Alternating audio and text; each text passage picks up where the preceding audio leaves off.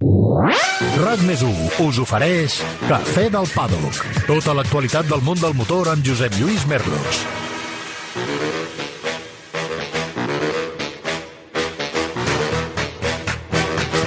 Què tal? Com esteu? Nosaltres contents, contents per la notícia que hem sabut darrerament i és que el circuit de Barcelona-Catalunya continuarà acollint els Mundials de Fórmula 1 i MotoGP fins al 2026. Se n'ha parlat ja força, evidentment, en les últimes eh, jornades, però mm, volíem eh, fer esment d'aquesta notícia que ens satisfà tant. De fet, eh, tenim constància que l'acord estava tancat des del mes de setembre, però que no es podia oficialitzar fins que no hi haguessin els pressupostos de la Generalitat aprovats, acordats i tancats, com així ha estat. Una setmana amb notícies positives, com és aquesta, 14.000 persones al circuit de Catalunya, més de 14.000 persones per celebrar dissabte la festa del 30è aniversari, eh, 700 participants a l'Endorroc, que vivia la seva onzena edició a la finca de les Comes, amb la tercera victòria d'aquesta bèstia peluda que és Josep Garcia, són notícies que ens alegren molt, d'altres no tant la mort de Frank Williams. Va, en parlarem de tot això en un programa que avui ens fa sentir-nos especialment orgullosos d'aquest cafè del Paddock, perquè ha, hi ha hagut l'entrega de la pilota d'or i allà hi havia la constel·lació d'estrelles més gran del món del futbol. Però és que la constel·lació d'estrelles més gran del món de les motos la tenim avui aquí, al Cafè del Paddock, perquè aquesta és ni més ni menys que la nostra alineació per avui. Au, va, igual a 1. Avui, al Cafè del Paddock amb... Quim Salvador Rubí. Fabio Quartararo, campió mundial de MotoGP 2021, Nissa. Remy Garner, campió mundial de Moto2 2021, Sitges. I Pedro Acosta, campió mundial de Moto3 2021, Mazarrón. I com sempre, tots ells amb Carla Gil a la gestió tècnica. ¡Trata de arrancarlo! ¡Trata de arrancarlo, Carlos! ¡Trata de arrancarlo! ¡Trata de arrancarlo, por Dios! Quim Salvador, com estàs? Bé, una mica trist perquè tanquem temporada, però, ostres, ens ho hem passat molt bé, tu. Ha estat molt bé això, eh? El programa d'avui, de lujo, eh? Que diria el senyor Marcelí, I tant, de superlujo. amb tres campions mundials que ens acompanyaran en els pròxims minuts en aquesta edició del Cafè del Paddock on les motos tenen un grandíssim protagonisme. Estem tristos perquè s'acaba la temporada de motos, com dèiem, però contents, Quim, per aquesta notícia de la renovació dels grans premis tant de Fórmula 1 com de MotoGP al circuit fins al 2026. Això està bé, molt bé. Home, és cap dalt per la nostra feina i també n'estem feliços com a aficionats. En tot cas, eh, el de les motos té un asterisc que no ens agrada tant, que són tres grans premis en cinc anys, no cada any. Com a ja ho havia mínim, anunciat. com a mínim, ja veurem com a en què mínim, queda això. sí, eh? sí, ja ho veurem, Mm. però en fi, el, el que és important és que seguim tenint els dos campionats més importants del món del motor aquí a casa i sobretot que des del circuit i des de la Generalitat hi hagi mirada llarga, a, a mig termini. Això és importantíssim. I tant que sí. I no oblidem que també tindrem el Rallycross, on Johan Christofferson, per exemple, aquest cap de setmana, ha obtingut el seu quart títol mundial al circuit de Nürburgring, en una jornada on el català Pep Arquer ha fet una actuació extraordinària a la categoria petita. Caldrà comptar amb Pep Arquer amb continuïtat al 2022 en aquest certamen, que per cert serà totalment elèctric. Va, comencem perquè avui anem carregats de continguts al Cafè del Paddock.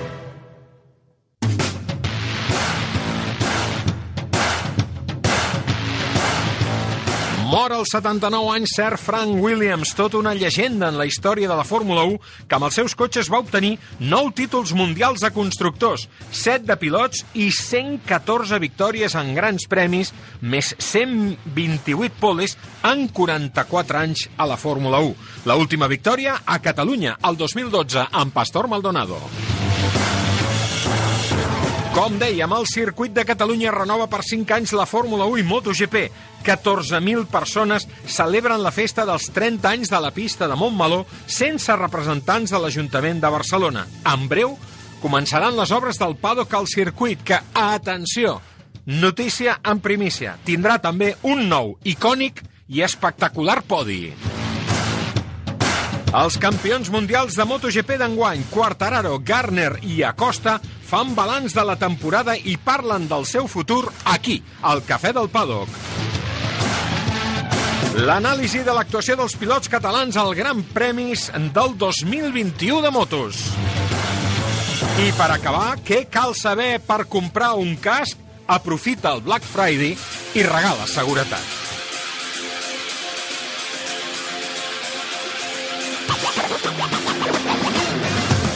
Us hem donat alguns apunts sobre l'actualitat, la mort de Frank Williams, que evidentment és un cop per tota la Fórmula 1. Frank Williams era una autèntica llegenda i un dels representants més genuïns de la pura Fórmula 1, la que va crear en el seu moment eh, Bernie Eccleston. Hem parlat també d'aquesta victòria, d'aquest títol mundial de Johan Christofferson i de l'actuació de Pep Arquer, però també de la brillant victòria d'en Josep Garcia a la onzena edició de l'Endo Rock. Però, com dèiem, el protagonisme en el programa d'avui el tenen les motos. Parlarem de MotoGP i ho farem amb Quim Salvador. Quim, després del Gran Premi que hi va haver a Chest, no hi va haver aquesta vegada l'habitual test que es fa sempre al circuit Ricardo Tormo a l'endemà, una mica lleganyosos els pilots eh, habitualment, això sí, i aquesta vegada els van donar doncs, tres dies de coll fins a arribar a Jerez. Com van anar els tests de MotoGP que van ser els que van rodar primer? Com va anar això? Doncs eh, Ducati va tornar a exhibir el seu potencial amb un millor temps de Peco Banyaia amb avantatge de, destacat, quatre dècimes sobre el segon, en un circuit Jerez que anys enrere era totalment desfavorable a la Ducati, per tant, és evident que els de Bologna parteixen, jo crec que com a favorits per l'any que ve, almenys a nivell de moto, a nivell de pilots, ja veurem com funciona la cosa. Segon, Taka Nakagami, que a vegades ja ho fa això, de fer una volta sí. molt ràpida, però eh, si ens fixem en la setena posició de Pol Espargaró, sis dècimes, i la onzena d'Àlex Márquez, que ha tingut problemes tot l'any a una volta a menys d'un segon, i sobretot el que expliquen els pilots d'Onda del nou prototip, eh, jo crec que és una mica esperançador. Veurem com continua la pretemporada ja al febrer, però sembla que aquesta, aquest nou prototip d'Onda pot haver solucionat molts dels problemes que tenia l'antiga moto. També és veritat que els testos de pretemporada són com la nit electoral, eh? Ja. Tothom està content, tothom, tothom té coses positives. Per exemple, els de Suzuki, amb eh, Alec Rins i Joan Mir estaven encantats amb el nou motor. És veritat que Jerez és la pista on segurament el motor compta menys. I Fabio Quartararo, aquest sí que, que em va cridar l'atenció, tercer a menys de mig segon de Banyaia, no està malament, però es va mostrar, i a més en declaracions públiques, descontent amb els pocs progressos, de fet va dir que no n'havia fet cap, eh, que havia portat Yamaha ja a l'inici de la pretemporada. Fins i tot en alguna entrevista ha deixat d'entreveure que quan s'acabi el contracte ja ho veurem, que això de continuar a Yamaha wow. no ho té gens clar, és un toc d'atenció, eh, s'ha cregut i li toca eh, els, el fet de portar els galons de campió i em sembla que és un toc d'atenció important de Quartararo a Yamaha. Moni, Moni, Moni, Moni. Com van anar no, els tests? Moni i Moto. I Moni, i Moto, clar, clar, clar. Clar, clar que les dues coses. I els de Moto2, què tal? Com van anar? Perquè també van rodar allà. Sí, de Moto2 hem d'explicar que era un test privat i que ha costat eh, força trobar eh, informació. Eh, de fet, encara de Moto2 tenim una taula de temps del segon dia. De Moto3 no n'he trobat absolutament res. Uh -huh. En tot cas, primer Vietti, segon Aaron Canet en una molt bona estrena amb l'equip Pons, no tant el seu company d'equip Jorge Navarro, que, que s'ha lesionat. I tercer, jo crec que és la gran notícia, el murcià Fermín Aldeguer, joveníssim, Molt a més el manillar d'una Bosco Oscuro i ficant-se a la tercera posició per davant de les Càlex o de les Gasgas com la de Jake Dixon, que es va situar en la quarta eh, posició. Albert Arenas, 11è, mm, correcte, però encara més d'un segon del millor temps, s'ha d'adaptar al canvi de moto. Bona estrena de Gabri Rodrigo, dotzena posició, de fet fins i tot davant de Pedro Acosta, que també va estar bé quedant-se un segon i una dècima del millor temps a la seva primera presa de contacte amb la Moto2. El Jeremy Alcoba li va costar molt més, 22è a 3 segons. En fi, estem parlant d'uns testos privats amb referències que no sé si són fiables i els primers dos dies de pretemporada. Per tant, ho agafo tot amb pinces pel que fa a la categoria mitjana. Ja veurem com evoluciona tot això quan hi hagi més testos. Escolta, què sabem de l'estat de Marc Márquez? Eh, Alberto Puig va fer unes declaracions força inquietants eh, després de la cursa de València i ens arriben uns rumors que ai, ai, ai, ai, ai. Misteri, misteri, com sempre que Marc Márquez no és als circuits, no? Costa molt saber... Vaja, costa molt no. No hi ha opció de saber exactament com es troba eh, Marc Márquez. Declaracions inquietants de l'Alberto Puig després de València dient que pels vols de Nadal passaria una nova religió... Oh, religió, mare de Déu. Revisió d'això de la diplopia. Potser li aniria bé fer-se budista perquè li toca una mica de paciència, eh? Pobre, Uh, pobre, sí, pobre em Marc. sembla que ha fet un curs accelerat els Pobre últims tio. dos anys, Mm. Marc Márquez, d'això de la paciència i el budisme. Una nova revisió per veure com està, i va dir Alberto Puig, i en funció del que diguin, decidirem. Això m'ha fet saltar les alarmes, hem de decidir què. Què hem de Si, decidir? si està l'equip de cara l'any que ve, hosti, no fotis. Si continua, no, home, no, no vull ni, ni pensar-ho. En tot cas, això ho ha de veure el propi Marc. Una mica d'escletxa per l'esperança. El Marc va anar a l'Allianz Junior Camp de Rufea, aquest campus que fan ell i l'Àlex, eh, que és una mica d'escola de, de moto off-road per, per petitons, i l'Àlex, el Marc hi va anar. Eh, vol dir res? Doncs segurament no, però si estàs molt, molt, molt fotut i realment no hi veus tres dalt d'un burro, jo crec que tampoc estàs per anar gaire enlloc i, i estar en una munió de nens. I no hem vist vídeo d'això, sí imatges, que està somrient, l'expressió és normal, no ho sé, misteri, misteri, Josep Lluís, eh, jo vull tenir fe en què el Marc es recuperi també de la diplopia, també del braç, que ara parlem de la diplopia, uh -huh. però aquest braç dret encara no gira rodó, i, ostres, tant de bo, tu, toquem ferro i el que calgui, el Marc pugui estar, no sé si al 100%, però com a mínim com ho va deixar abans de, d'acabar, eh, de no acabar, perdó, la temporada amb, amb la victòria de Misano. Fe amb el Marc la tinc tota, perquè el Marc és el papa, evidentment, de MotoGP.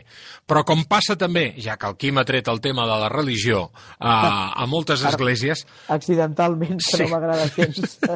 el problema no acostuma mai ser del Sant Pare, sinó d'aquests eh, capellanets que volen ser cardenals i de vegades no arriben ni a rectors. I per acabar, per acabar aquest eh, resum de l'actualitat de MotoGP, abans d'entrar en matèria amb els campions, Mike Leiner ha estat acomiadat de KTM com a team manager. Què ha passat aquí? Podria arribar David Brivio en el seu lloc, Quim? Com ho veus? Mira, eh, fa la impressió que David Brivio se'l troba molt a faltar a MotoGP, sobretot Suzuki, jo crec que Suzuki han de ser els primers, segur que ja ho han fet de trucar-lo, perquè quin anyet que han fet sense el Davide. I El troben a rum-rum. faltar tant com els hi sobra a la Fórmula 1, eh? Això t'anava a dir, hi ha rum-rum, i aquest món el coneixes molt millor que jo, que a la Fórmula 1 la cosa no, no ha acabat d'encaixar. És evident que a KTM les coses aquest any no han funcionat bé, després d'un 2020 que va estar molt bé i situava ja la seva moto, semblava al nivell potser no de Ducati, però gairebé d'Honda i de Yamaha, i aquest any, tot i la victòria bolet del Miguel Oliveira a Catalunya, tot el mèrit, però no acabem massa d'entendre d'on va venir, sobretot perquè després la cosa no es va confirmar a les següents curses. A KTM han entès que calia canviar coses i un d'aquests canvis, i segons el comunicat oficial, que sempre te l'has d'agafar amb pinces, era de mutu acord amb Leitner de fer canvis de rols dins de l'equip i de fet també eh, porten el Guidotti que ha estat tants anys a la Pramac Ah. per mirar de reorganitzar allò. Jo crec que, que està bé tocar coses, semblava que KTM s'havia estancat després d'anys de creixement, eh, el punt de vista d'un home experimentat com Guidotti els anirà bé, i tinc entès que Lindner continua dins de la fàbrica, dins de la marca. Jo crec que també és un, eh, una persona d'una valua que, que enviar-la fora no tindria massa sentit. Com els afectarà tot això? Doncs no ho sé. Han de, han de reorganitzar-se ràpidament i pel que fa a la moto han de retrobar el rumb o posar-se les piles perquè, insisteixo, el 2021 s'ha frenat la progressió claríssima que portava l'any anterior. Bé, ara tocaria posar l'himne de la Champions, perquè tot seguit parlarem dels campions mundials d'aquest 2021, però sabeu què passa? Que, que hem perdut aquest disc i, i el de l'Europa League no ens agrada. No ens agrada el de l'Europa League i passarem directament, doncs, a escoltar els campions mundials de motociclisme 2021 en aquest cafè del Paddock Extra Deluxe. Cafè del Paddock, amb Josep Lluís Merlos. Et vols vendre el cotxe? Busca, compara i, si algú te'n paga més, vine a Ocasión Plus. Millorem qualsevol taxació al millor preu garantit, pagament al cap de 30 minuts. Ocasión Plus, dues botigues a Terrassa, un altre a Mataró i també a ocasionplus.com. Obrim els dissabtes matí i tarda. Em vull vendre el cotxe, vendre el cotxe. A vender mi cotxe et comprem el cotxe. Però com? On i quan? No tinc temps. Fàcil i molt de pressa. No cal ni demanar cita. Vine amb el teu cotxe, accepta la millor oferta i abans de 30 minuts tu i els teus diners estareu de tornada a casa. Vinga, venta el cotxe a vender mi cotxe. Som a Barcelona, al carrer Rocafort 78, Cornellà de Llobregat i a Sabadell. Cafè del Pàdoc, amb Josep Lluís Merlos.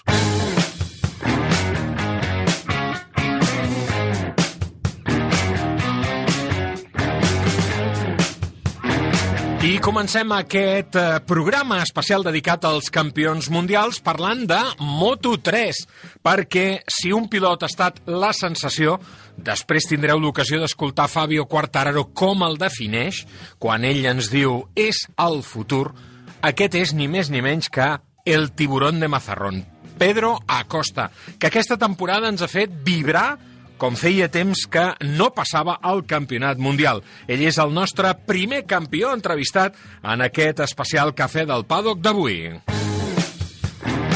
Pedro, ¿qué tal? ¿Cómo estás? ¿Has podido descansar o qué? Sí, bueno, nos hemos tomado unos días ya para desconectar un poco la cabeza ¿no? del mundial, pero bueno, ya hemos vuelto, ya hemos vuelto a la rutina. ya tenías ganas de volver a montarte en la moto, ¿no? Sa- sabes que sí, sabes que sí. Bueno, oye, ¿qué es más duro? ¿Pelearse en la pista con, con este atajo de cabrones que te encuentras en la parrilla o tener que asistir a tantos festejos como, como te ha tocado? Porque, madre mía, Bueno, eh, seguro que es más duro asistir a los eventos, seguro. Pero, pero bueno, al final es lo que toca. Eh, creo que el año se lo ha merecido. Entonces, bueno, ahora ya solo queda intentar pasarlo como se pueda.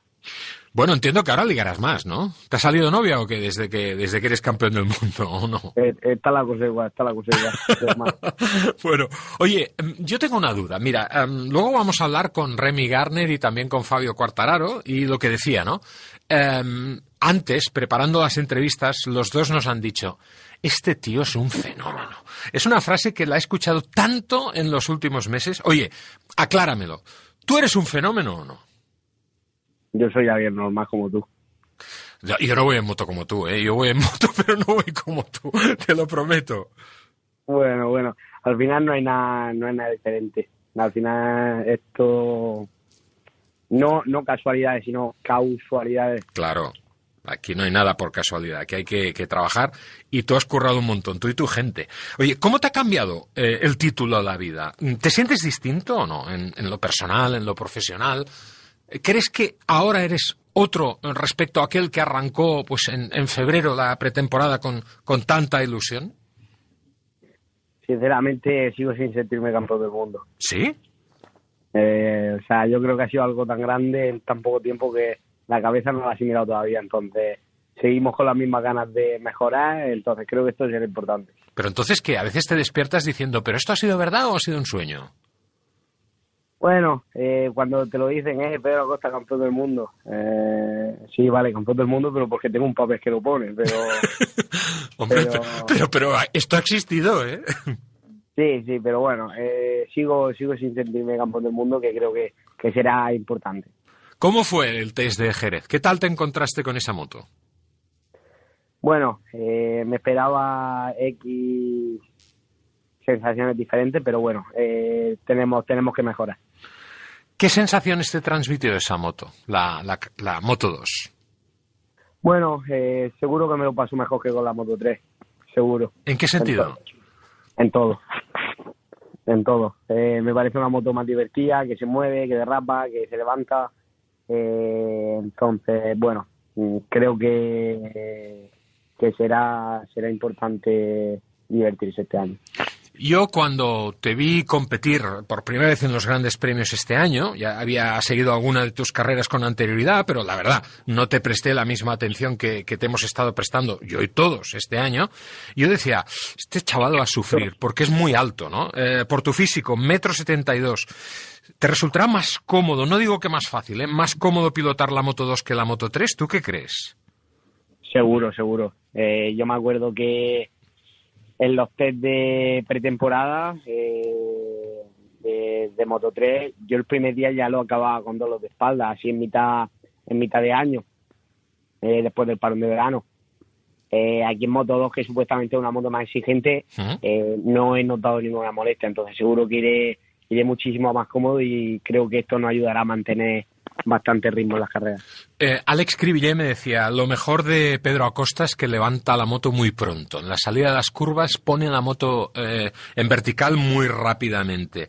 Em, tú entrenas siempre con una, con una moto grande, ¿verdad? Creo que con una, con una 600 en el circuito de, de Cartagena. Esto te va a ayudar mucho. Pero claro, la Moto 2 perdona más o menos que la Moto 3. ¿Tú qué crees? Seguro que perdona menos. Al final tiene, creo que 100 caballos más en la muñeca. Ya. Eh, o sea, eso de que perdona menos lo, me lo dejó claro el primer día, pero, pero bueno, eh, es lo de siempre. Si em, hay gente que puede ir rápido, ¿por qué no voy a poder ir yo Ah, rápido? claro. No, no. Claro, claro. es, es lo de siempre. Entonces, bueno, nos faltan bastantes kilómetros, nos falta coger confianza, nos falta mejorar bastante, pero bueno, seguro que em, poco a poco y, iremos llegando. Oye, ¿quién es más duro? ¿Foggia, García Dols o Pablo Mármol? Paco, Paco. Ah, digo Pablo. Paco, Paco Mármol. ¿Quién es, quién es más duro? Seguro que Paco. A mí, a mí nadie me, me, me aprieta como él, entonces... ¿Pero, es- ¿Pero es cabroncete o qué? Bueno, si, si, si no fuese así, esto no tendría gracia, ¿no? O sea, alguien, alguien me tiene que hacer vomitar entrenando. ¿Lo Si hace? no, si no aquí no se mejora. ¿Lo hace? Sí. Es, es duro, es duro. Es, eh, a ver, te iba a decir un poco Hitler, pero no. Eh, vamos a dejarlo. eh, es duro, es muy mentalidad de militar, ¿no? De, los japoneses. ¿Mm? Pero bueno, al final, si se mejora, si se mejora, se hace y, y punto. No, no hay que preguntar un por qué. Ya, ya, está claro. Esa, esa es una gran filosofía. Oye, ¿por qué el cambio de dorsal? Bueno, eh, no, no podía llevar el 37 al Ya. ¿Pero te sabe mal esto o qué? ¿Te fastidia o no? ¿O te da Es una, igual? pega- es, es una pegatina. Al final mm, no la voy a ver yo mientras estoy subiendo en la moto, entonces da un poco igual que sea el 37, que sea el 51, como si me, no me quieren poner números. que te pongan el nombre, ¿no? Allí. Claro. el tiburón. Oye, el año eh, ha sido mucho más difícil de lo que nos pueda parecer desde fuera, ¿no? Eh, o sea, esto, esto no ha sido un paseo ni de coña. Bueno, a ver, eh, principio de año empezamos muy bien, eh, todo salía, entre comillas, fácil, pero ya llegó después del parón de verano que yo crecí, ahí ya no era tan fácil como, como, como la gente pensaba.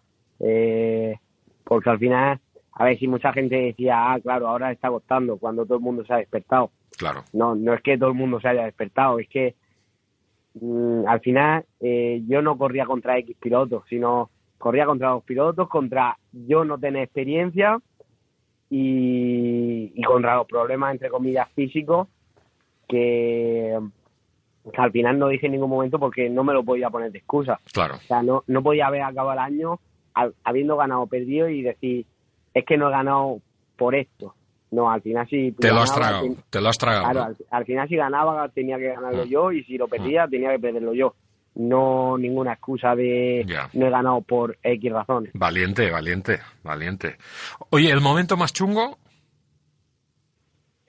No ha habido ningún momento chungo. ¿No? No, al final mm, contra los pilotos que yo corría, al final ellos o ganaban o perdían. Ya. Yo al final o ganaba o aprendía. Porque al final tenía que contar con eso. Eh, Claro. Todas las carreras no iban a ser fáciles. Al final vinieron las cuatro primeras carreras muy fáciles entre comillas. Ya. Después llegó Le Mans, que fue el primer error, pero aún acabé octavo. Eh, Muyelo y Montmelón no supe más o menos gestionar dónde tenía que moverme en el grupo y aún hice octavo y séptimo. Después creo que fui a... Te diría que fuimos a Sachsenring y Asen, que después de haberme caído en Asen hice cuarto. Correcto. Entonces no eran resultados malos, porque al final siempre aprendíamos de algo. Entonces eh, no ha habido ningún momento malo. Y luego vino la victoria de Estiria. Ya, pero, oye, en la caída de Austin, eh, ¿te asustaste o no? Mm, a mí se me pusieron por corbata cuando te vi tan cerca del muro. Bueno, tan cerca no, en el muro. Bueno, eh, es parte del juego. Al Eh. final, sí, eh, tuve la caída de la susta desde fuera, pero al final es como yo lo pensé después. Al final de los tres que nos caímos, fui el primero en levantarme. Eh, fui el único que fue a, a por la moto y fui el único que se cambió el mono para salir a otra carrera. Porque al final lo sentí así, era eh, de decir, mira, para un, un día que veníamos de carrera, entre comillas, malas, para un día que puedo meter puntos entre, por medio, no me puedo quedar aquí sentado en el box. Ya. Entonces tuve que ir a apretar a ver si salía otra carrera, pero no, no hubo suerte. Pedro. Sí, perdona. Sí, a nivel de seguridad, subir a Moto 2 es un alivio o no piensas en el riesgo porque si no, no se puede correr. ¿Cómo lo ves tú? A ver, últimamente Moto 3 se ha ido un poco de las manos, porque sí que eh, yo nunca me he quejado de sanciones que me han puesto. La de Qatar nunca, nunca me quejé, porque yo sabía que tenían razón. Y si de alguna manera era de parar que la gente fuera buscando ruedas, era esa. Poner sanciones que de verdad te arruinasen una carrera. Ya. Por eso yo nunca me quejé de esa sanción, pero al final de año eso no ha sido así, entonces se fue otra vez un poco de las manos. Al final, el peligro va en todos lados, entonces eso es lo de menos. ¿Qué esperas de este año, Pedro? No espero nada. ¿No? No, aprender y, y ya está. Pero, Poco más. Pero tú has ganado el título la primera en Moto 3. Eh, si no lo haces, eh, si no ganas el título la primera en Moto 2, ¿te sentirás decepcionado o para nada? No, no tenía que haber ganado el título a la primera en Moto 3, entonces si no lo gano en Moto 2 no, no creo que pase nada tampoco. Ya, pero si lo ganas, entonces me tendrás que dar la razón y eres un fenómeno, entonces, ¿no? Cuando tenga 5 o 6 títulos así, te lo diré. Oye, seguir en el Team Mayo te da más tranquilidad, porque claro, allí, allí estás muy bien. Sí, seguro, seguro, porque al final eh, sube, subo a mi técnico conmigo, ¿Mm? eh, vengo, bueno, vuelvo a estar en una estructura que al final llevo un año con ellos, que vale, estaba, yo estaba en el equipo de Modo 3, pero al final estábamos ahí todos juntos. Eh, al final creo que tener al, eh, al telemétrico de Remy creo que me puede ayudar tener a un mecánico de Remy que es de Murcia me puede ayudar bastante. Eh, creo que el ambiente va a ser bastante bueno, entonces por eso decidí quedarme dos años más en este equipo. Quim, el Mundial comença a Qatar eh, i la última actuació a Doha vam veure Oh. una remuntada espectacular, no? Eh, què, què, què hem de dir d'aquesta remuntada que va fer el Pedro a, a Qatar? Qué espectáculo, Pedro. Yo todavía, mira que hace meses estoy impresionado por, por tu carrera en el Gran Premio de Doha. No sé si has vuelto a soñar la, carrera o a veces tienes algún, algún sueño de carreras y, te viene a la mente algún momento de este mundial tremendo que has hecho. No sé si la carrera de Doha o, o algún otro. Bueno, seguro que si tuviera que remarcar una carrera sería la que fui campeón. Al final veníamos de carreras difíciles, ¿no? Que no acabamos de terminar. Hicimos, bueno, hubo la caída de, de Austin, ya en Misano 2 hicimos un podium, ya en Portimao volvimos a, a ganar y en, eh, y en Valencia me sentía el más fuerte, pero bueno, creo que hay que seguir la línea, no pensar, eh, vale, esto lo hemos hecho así y ya está. Sino siempre, Pero- creo, creo que siempre hay que querer más. Ok, soñarla no la has soñado, pero ¿y el vídeo no te lo pones de vez en cuando para regodearte un poco? Bueno, en, en la época que no ganaba mucho me la ponía, pero, pero bueno, creo que creo que hay que hay que mirar para adelante, que al final es lo que lo que nos va a llevar a algún sitio. Oye, Pedro, ¿qué ventaja te va a aportar este año conocer ya todos los circuitos? ¿Esto te relaja un poco? Porque, claro, este año has ido descubriendo cosas sobre la marcha. Bueno, eh, creo que me ayudará bastante, ¿no? Al final había X circuitos, ¿no? Que por que por lo que sea nos no nos costaron, pero había que habituarse a la situación. Al final llega Le Mans, eh, frío, agua, por la tarde seco, calor. eh, son X cosas que, que me tenía que habituar. Al final este año me tendré que seguir aprendiendo circuitos porque al final supuestamente vamos a la gira asiática Claro. y, y toda la parte de Asia, pero bueno, eh, creo que aprenderme casi todos los circuitos de Europa. Eh, tú has dicho que no ha habido momentos malos, pero te has comido algún sapo este año, sobre todo con el tema de los frenos, que ha sido un marrón. Bueno, eh, al final esto es algo mecánico, ¿no? Eh, siempre puede haber errores. Eh, no fue error de los mecánicos, eh, hubo ahí dos o tres problemas eh, en las dos carreras de Misano. Y bueno, eh, ya para Portimao dimos con la solución exacta y creo que esto nos ayudó a poder ser lo que hoy somos. Estamos terminando ya. Eh, Foggia y García Dols en 2022 se irán en Moto 3. ¿Tú crees que se equivocan o qué? A ver, yo sé que mi paso era dar el salto motor, eh, acabase el mundial como acabase. Eh, al final cada uno creo que tiene sus cosas en la cabeza o cree que le que le puede valer más una cosa que otra Mm, y al final también es bonito luchar por un mundial Claro. al final Sergio ha tenido la mala suerte de, de la lesión de, de Austin Mm. que si no hubiera luchado hasta el final. Entonces, bueno, creo, bueno, entiendo que quieran eh, luchar por un mundial o intentar ganarlo otra vez. Pero tener una segunda oportunidad, digamos. Oye, y para terminar, ahora sí, la última. ¿Qué hay de cierto en lo cercano que estuviste de pasar directamente a MotoGP? ¿Eso ha sido así? Eso fue así. ¿Y por qué no fue? No había necesidad. Eh, cuéntaselo a Darren Binder esto. Bueno, eh, yo al final es lo que te estaba diciendo, yo tenía mis intereses, ¿no? Eh, al final creo que mm, que me valía mucho más porque yo me he dejado muchas cosas que aprender en Moto 3 al final mm, no es importante sinceramente triunfar abajo sino es importante triunfar en MotoGP Claro. Pero también es importante subir preparado Ento- entonces, creo que todo creo lo que será- Sí, sí, perdona. creo que será importante aprender bastantes cosas en Moto 2 O sea, todo lo que ha sucedido hasta ahora en Moto 3, lo que pueda pasar en Moto 2, todo eso es un proceso para llegar a MotoGP, que es lo que realmente importa. ¿El resto no cuenta?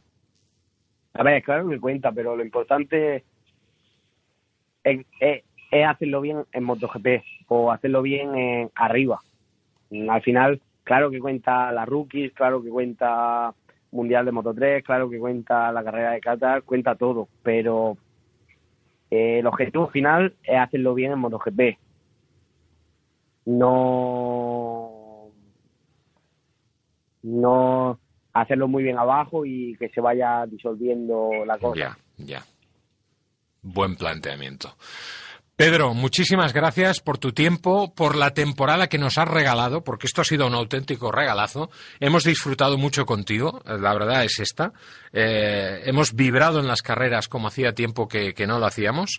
Nos, los, nos lo has hecho pasar muy bien y creo que este año también. Y tú dices que, bueno, que a lo mejor no ganas el título este año. Mira, no te voy a hacer caso, ni puñetero caso. Y voy a apostar por ti a que Pedro, Pedro Acosta es el flamante campeón mundial de Moto 2 de 2022. Sin presión. sin presión, sin presión, como dice Kim. Oye, un fuerte abrazo. Disfruta y descansa. Muchísimas gracias.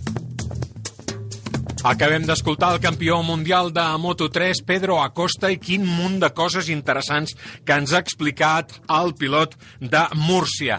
I precisament aprofitant la seva presència avui aquí al Cafè del Paddock, arriba el moment d'anar repassant l'actuació dels pilots catalans en aquest campionat mundial del 2021 en les diferents categories. Comencem per la de Pedro Acosta, comencem per Moto3. El primer català classificat en aquesta divisió, la més petita, però no per això la menys interessant ha estat Jeremy Alcoba. Dotzè, el més interessant del Jeremy, probablement el podi al circuit de Catalunya. Quim. Sí, va fer segon aquí a la cursa de casa, també va fer tercer al circuit de Jerez, són els seus dos podis de la temporada, una pole als uh, Països Baixos, a Assen, jo crec que ha fet una temporada efervescent. Em sembla que els resultats, que no estan malament, queden lluny de les sensacions que ha exhibit el Cova a la pista, perquè gairebé sempre estava al grup del davant, eh, amb molta lluita, molt agressiu, sovint també massa fogós, ha comès errades d'inexpert, era tot just la seva segona temporada mundialista, enmig s'ha de dir del Far West, que són les curses de Moto3, en què d'errades i, de, i de maniobres perilloses n'ha fet gairebé tothom. En tot cas, sempre ràpid, que és el més eh, important. D'això dels riscos i les maniobres perilloses a Moto3, eh, va sortir afortunadament il·lès del terrible accident que va provocar Dennis Onyu a Texas, també és cert que el Cova, algun altre pilot, li pot recriminar coses en altres curses. Jo crec que en general ha de reflexionar tothom i més que els pilots, potser directors d'equips i comissaris del que ha estat aquest any a la categoria petita. Jeremy Alcoba farà l'any vinent al Salamoto 2, categoria que estic segur que s'adaptarà força millor al seu gairebé metre 80 d'alçada. Correrà amb l'equip alemany intact. La quinzena posició ha estat per Xavi Artigas, que ha anat de menys a més, sobretot amb la victòria a València, un circuit per ell talismà.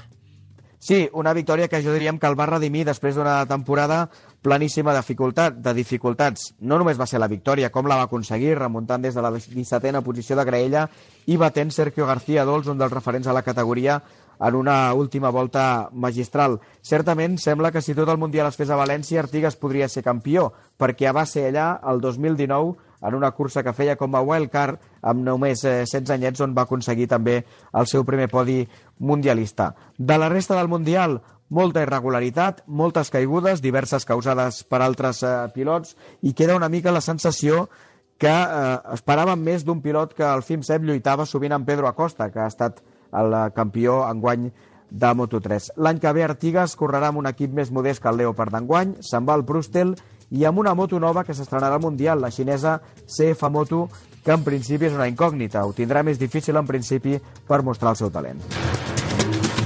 19è classificat Gabri Rodrigo, que corre amb llicència de la Federació Argentina, però que és més barceloní que la Font de Canaletes. Uh, llàstima d'aquella lesió a l'Aragó, eh, Quim?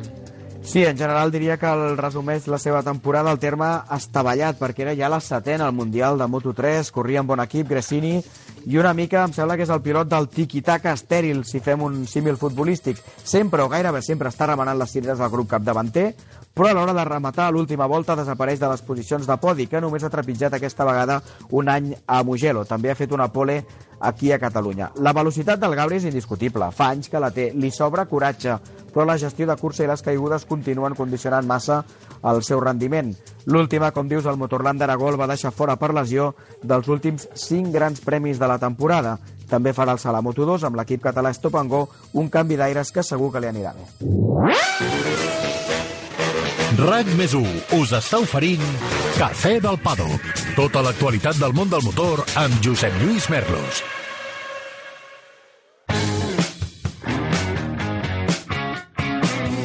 I en aquesta edició especial del Cafè del Paddock, dedicada als campions mundials de MotoGP d'aquesta temporada del 2021, ara és el torn de Moto2 i, per tant, això vol dir que ara és el torn d'un pilot que aquesta temporada ens ha deixat bocabadats perquè, tot i la seva joventut, ha acreditat una maduresa extraordinària. Aquesta era la seva cinquena temporada en aquesta divisió i finalment ha assolit l'objectiu que s'havia proposat. L'any vinent el tindrem a la categoria reina, un cognom il·lustre. Vam ser grans admiradors del seu pare en el seu moment. Quina manera de pilotar que tenia el cocodril. Avui, al Cafè del Paddock, tenim l'honor de comptar amb la presència del campió del món 2021, Remy Garner. Hola Remy, ¿qué tal? ¿Cómo estás? Muy bien, muy bien, encantado de estar. Nosotros también de tenerte, gracias por tu tiempo, porque imagino que estás a punto para irte de vacaciones. Eh, bueno, bueno, ya intentando empezarlos ya. Aún tenemos la, la gala de- del film. Es en verdad. Mónaco este finde, En Mónaco, sí. pero, sí. Sí, Eh, pero bueno, eso es más fiesta que nada. ¿Te quedarás por Siches o qué harás? ¿O te vas a sí, Australia? sí, sí, me quedo, me quedo por Sitges. Yo tengo un coche para acabar antes de Navidad. Los australianos sois de grandes celebraciones. ¿Cómo, cómo viviste el título? Eh, bueno, la verdad que no, a ver, no, no, me he pasado, pero bueno, hemos, hemos celebrado bien el, el domingo por la noche ahí en Valencia, pero que teníamos testing eh, Claro. en Jerez y bueno, casi fui directo desde, desde Valencia, por eso que no pasa, no he pasado. Tu padre aseguraba en un Zoom con, con mi gran amiga Marieta Evans a principio de temporada, lo estuve viendo con, con mucho interés porque fue muy bonito realmente, que tú este año ibas a ser campeón del mundo de Moto 2 sí o sí. ¿Tú tenías la misma convicción que tu padre o, o no? Porque mi padre, por ejemplo, nunca creyó en mí en nada. Eh, a ver, eh, es, a ver, es fácil decirlo, ¿no? Pero se puede pasar muchas cosas durante la temporada y, y yo, bueno, tampoco lo tenía claro al principio del año ni ni ni, ni hasta Valencia, ¿sabes? Ya, Por eso ya. que, bueno, eh, no hay que no hay que pensarlo y decir seré campeón, pero más centrar en, en en hacer hacer el trabajo que toca y, y, y concentrado. ¿Cuál bueno, ¿Cuál pero bueno, si, si habla así mi padre, no nada, No, ¿eh? no, seguro, seguro. no está encima de la moto. Oye, de esto sabe un poco, ¿eh? De esto sabe un poco.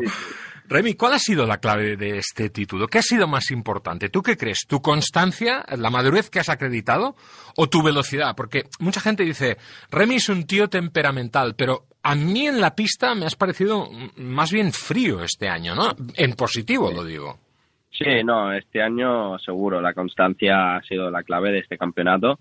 Eh, yo creo que a mitad de año después de Silverstone igual me, me estaba tomando los las carreras un poco más seguro, sin arriesgar para victorias o, y solo hacer podiums y puntos. Y bueno, al final yo creo que esta ha sido un poco de madurez y un poco de cabeza fría.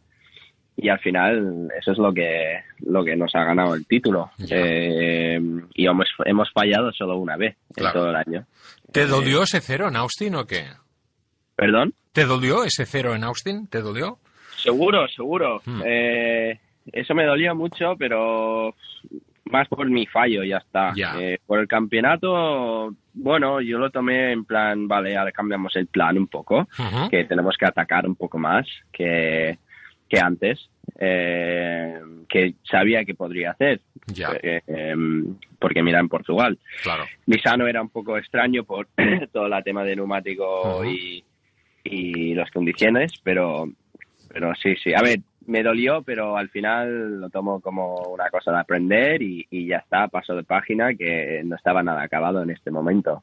Por eso no, no, estaba, no estaba muy hundido tampoco. Andaban Kim. Sí, eh, Remy, ¿cómo ha Sí. sido y de dónde viene este cambio que hiciste? Porque antes, si me lo permites, eres más un piloto caballo loco, muy agresivo, arriesgando mucho, y este año hemos visto, lo acabas de comentar, eh, una gestión de carrera que ha sido clave en el campeonato, ¿no? ¿En qué momento y por qué haces este cambio? Eh, ¿En qué momento? Bueno, el año pasado ya, ya he hecho el cambio, si te digo la verdad. Eh, creo que era menos notable porque tampoco hemos ganado carreras y, tampoco estábamos en el podium cada fin de, pero pero ya he hecho el cambio, que desde Qatar, básicamente, que ha acabado quinto o algo así, luego teníamos el parón este, y a partir de Austria eh, ya empezaba a ir las cosas bien, y ha hecho un podium Austria, luego una lesión en mi mano en Misano, pero poco a poco iba trabajando con el equipo y, y, y he preparado bastante este, mentalidad eh, durante el, el, el invierno de, 20 eh, de 19-20, ¿no? Claro. Eh, y ya he hecho este cambio. Y bueno, estaba afinando esto ya en, el año pasado y creo que la victoria en Portugal en 2020 era como, vale, ya lo tenemos. Y yo creo que hemos seguido con este rollo empezando el, eh, este año y, y mira, se ha acabado Pero- bien. Pero Remy, ¿esto es una, una reflexión tuya por tu experiencia o es un consejo de alguien o...? o- Eso es una reflexión mío personal y, y, bueno, eh, al final hay que tener la cabeza fría y decir, vale, tienes que mejorar esto y estás fallando eso y, y, y cómo lo vamos a mejorar. Y, y yo lo tomé así. Eh, también mi novia me ayudaba a ser un poco más tranquilo y darme un poco más de paz en casa y bueno, al final todo, todo se asuma, ¿no? ¿Hubieras preferido otro rival que no, que no hubiera sido tu compañero de equipo? Em, por mí, ok, por mí no había problema.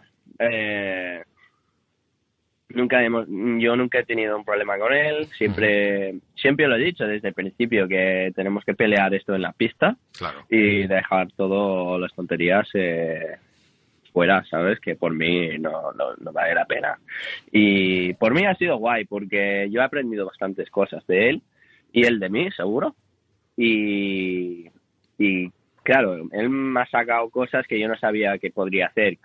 Un poco vigilando la telemetría. Que bueno, él hacía una curva de una manera diferente y luego lo podría adaptar yo un poco y, y hacer como mi estilo y su estilo y, y sacar algún decimita más. Y yo creo que por eso hemos, hemos sido un equipo tan, tan fuerte este año. Claro. Pero ¿qué piensas de esas supuestas declaraciones que dicen que habría hecho, donde comentó que el equipo te prefería a ti que no a él? ¿Hay que darle crédito a esto o no? Eh, no, Eh, yo creo que aquí KTM siempre ha dado lo mismo y es, es un equipo bastante justo. Y aquí no es este tipo de persona ni, ni la gente que trabaja en el equipo. Que bueno, que si tiene que decir estas cosas para que se siente mejor, pues Ya. dale. Pero para mí no tiene mérito eso. A mí me pareció que su abrazo en la vuelta de Honor en Cheste era sincero. Al menos a mí me lo pareció, ¿no? Luego, lo que pase por dentro ya no lo sé, claro.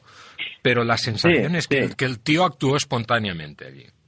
Sí, puede ser. Eh, al final yo, yo le he dicho después que, que ha pegado un, un año increíble y que tiene que estar orgulloso y que, Claro. que me ha dado por culo, básicamente, todo el año. Y que mucho respeto por eso, que es su primer año y, y que tiene que estar súper contento. Y, y lo he dicho a, a sus padres y, su, y el hermano también. Y le he dicho en, con sinceridad que tiene que estar tiene que estar súper orgulloso de él y, y él de él mismo porque él- es increíble lo que ha hecho. El año que viene volveréis a compartir box. ¿Esto es bueno o es malo? Para mí, bueno, eh, yo creo que es la misma cosa que este año, que, bueno, espero que podamos ir aprendiendo de los dos, mejorando los dos y que el equipo vaya para adelante. Claro. esta es la idea. El Team Mayo es como una familia, ¿eh? de algún modo. ¿Crees que en el Tech Trois puedes encontrar un ambiente parecido? ¿O temes que haya mayor exigencia al, al- al estar hablando de MotoGP? Eh, es un poco diferente toda la estructura de MotoGP porque, claro, tienes una fábrica detrás eh, y aquí es más equipo privado, ¿no? Equipo que no tiene la fábrica ahí dentro del box. Eh, por eso es un poco diferente la estructura, pero sí, yo creo que Herbe es un, un buen jefe, que yo le tenía él como jefe hace dos, bueno, eh, hace tres años, Es algo así. Sí, dos años con Herbe. Eh, y nada, que bueno, es un, un buen líder y, y nada, espero que tenemos este, este mismos, estos mismos ganas que teníamos este año el, el año que viene. ¿Qué feeling tuviste con la moto en los test de Jerez? ¿Qué tal fue?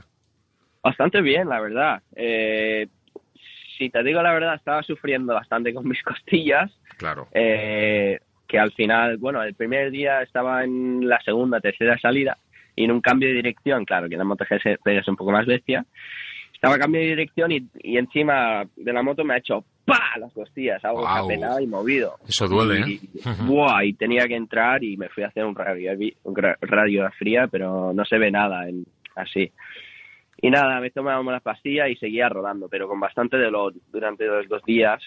Y nada, pero bueno, aún así eh, me gustaba mucho la moto y, y yo creo que creo que tiene potencial, que tampoco estaba estaba en mi mejor condición. Eh, y por cierto, luego fui a hacer un radiografía el lunes y tenía el 10 y el 11 costilla partido. Oh, eso es Sí. largo, ¿eh? Eso es largo, entonces. Sí. Bueno, pues, Eso, eso, eso desde la caída de Portugal. claro, claro. El, el viernes. Pues he hecho Portugal, Valencia y el test de MotoGP con dos costillas Por- partidos. Portimao no perdona, ¿eh? que se lo digan a Jorge Martín, ¿eh? Eh, que no, no perdona Portimao. Oye, ¿qué, qué te impactó más en esta prueba con, con la KTM de MotoGP y qué te decepcionó más? ¿Qué es lo que más te sorprendió y qué dijiste, bueno, pues no es para tanto? Eh, a ver, mm, sigue sorprendi- sorprendiéndome la potencia de la moto. Claro. Aunque lo probé en Misano, es que no canta este potencia, ¿no? Eh, y lo de menos, no lo sé de momento, es que tampoco he chocado con un muro aún con la moto, que cada vez que salía en pista mejorábamos algo. Eh, no te lo puedo decir aún. Eh, también me sorprende las gomas, cuánto pueden aguantar eh, y el paso por curva y los frenos, no sé, es que todo me, me impresiona mucho, pero bueno, eh, hay que ir aprendiendo eso y, y buscando los límites, pero aún, aún no hemos chocado con el muro, ¿sabes? Aún no hemos puesto gomas dos, ve- dos veces o tres veces y, y no pudimos mejorar, ¿sabes lo que Claro, te digo? Claro. Que no sé, aún no estamos en este punto, pero bueno, supongo que ya llegaremos. La, la Yamaha es la, la moto campeona, pero todo el mundo dice que la Ducati es la, la mejor moto de la parrilla, ¿no? Sí. Correr con la KTM en MotoGP en el año de tu debut te quita presión en este sentido, porque todo lo que hagas pues será bienvenido, ¿no?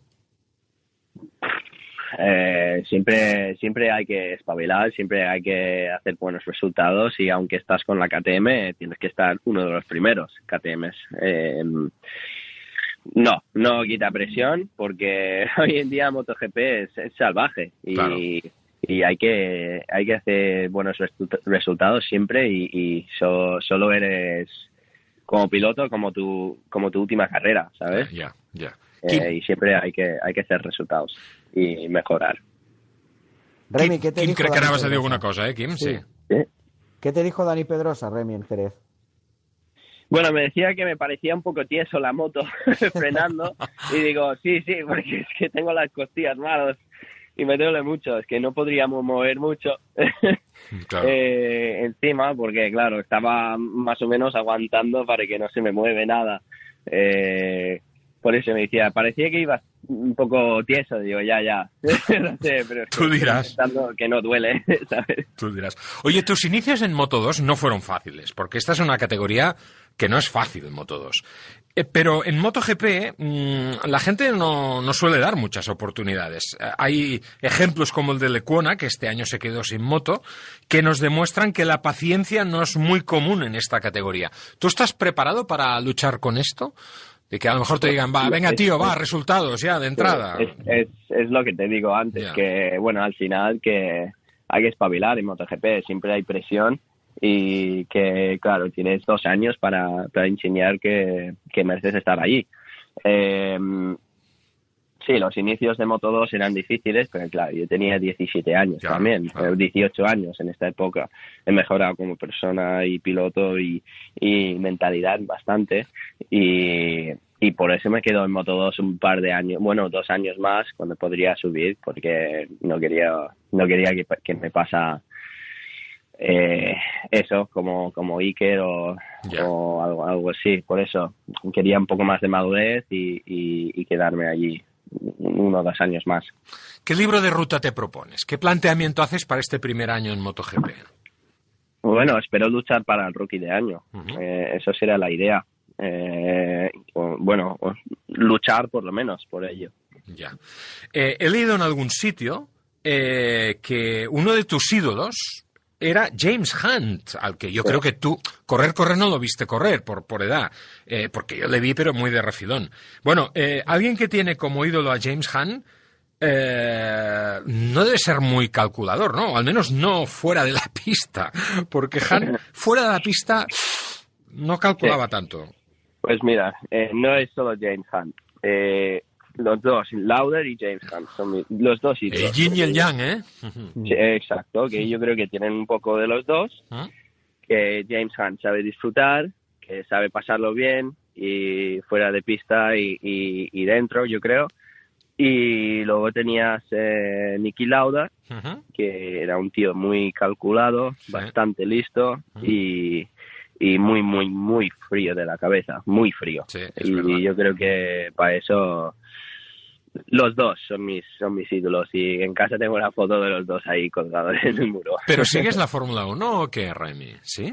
Sí, un poco, pero bueno, hoy en día no, no, no tanto. Yo Ya. prefería los Fórmula 1 de antes, de Vaya. V10, V10, V12, con manual. Y yo, ¿dónde hay- de verdad, de, de hombres. Bueno, y ¿Dónde hay que firmar? Casi igual, ¿eh? Hombre, hombre, con las dos tiempos. 500, sí, sí. Vaya, Pero bueno, yo te digo, eh, estas MotoGP tampoco son para niñas. No, ya me imagino, ya me imagino.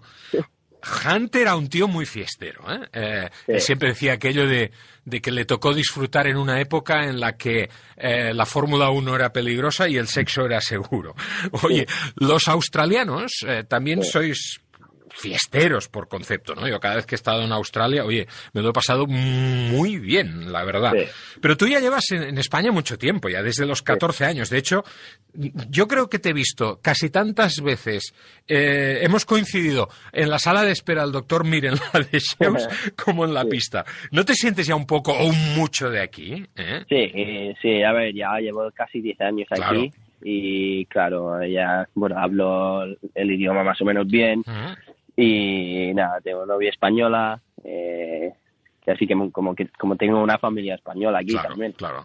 Y bueno, a todos mis amigos y todo. Eh, no llevo, bueno, llevo dos años sin ir a Australia porque no vamos a la carrera y que tampoco tengo familia ni amigos ni mucha gente ahí para claro. visitar. Por eso que, bueno, al final eh, mi vida está aquí y bueno, eh, sí, aún no estoy espa- español a medias, ¿eh? Australiano aún me queda un par de años, pero bueno. Bueno, Kim, una última pregunta, crec.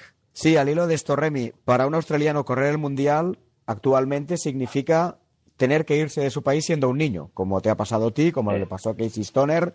Sí. Ahora imagino que piensas que valió la pena, pero pasarías momentos complicados, ¿no? Sobre todo los primeros años.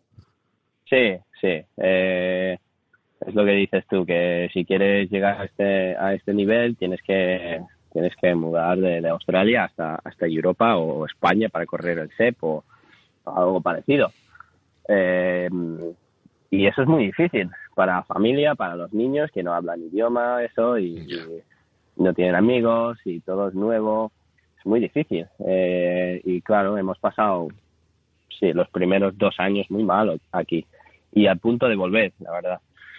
Y bueno, al final eh, hemos quedado y, y mira, que ha valido la pena, pero si me dices que tengo que repetir todo, no sé si te digo que sí, ¿eh?